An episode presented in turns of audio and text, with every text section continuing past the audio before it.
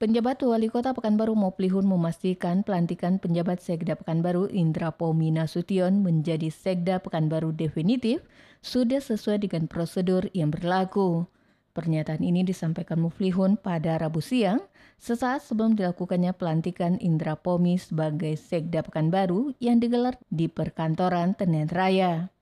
Kepada wartawan, Muflihun menjelaskan banyak tahapan yang telah dilakukan untuk mendapatkan Sekda Pekanbaru mulai dari mesti adanya izin dari KSN, serta juga izin mendagri dan melakukan seleksi jabatan.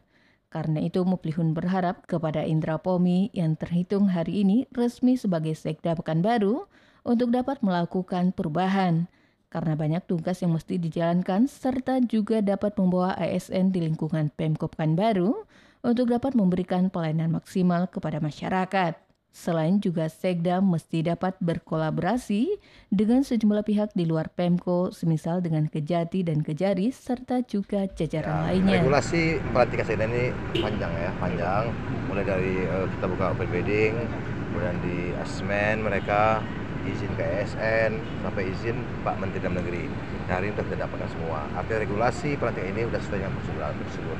Itu ada perubahan di Kota Baru ya. Di sini kita banyak PR yang harus kita selesaikan. Kami juga kolaborasi bersama sendiri sama vertikal.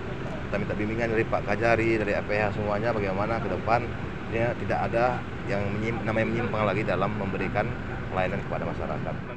Desi Suryani itu meliputan Barabas melaporkan.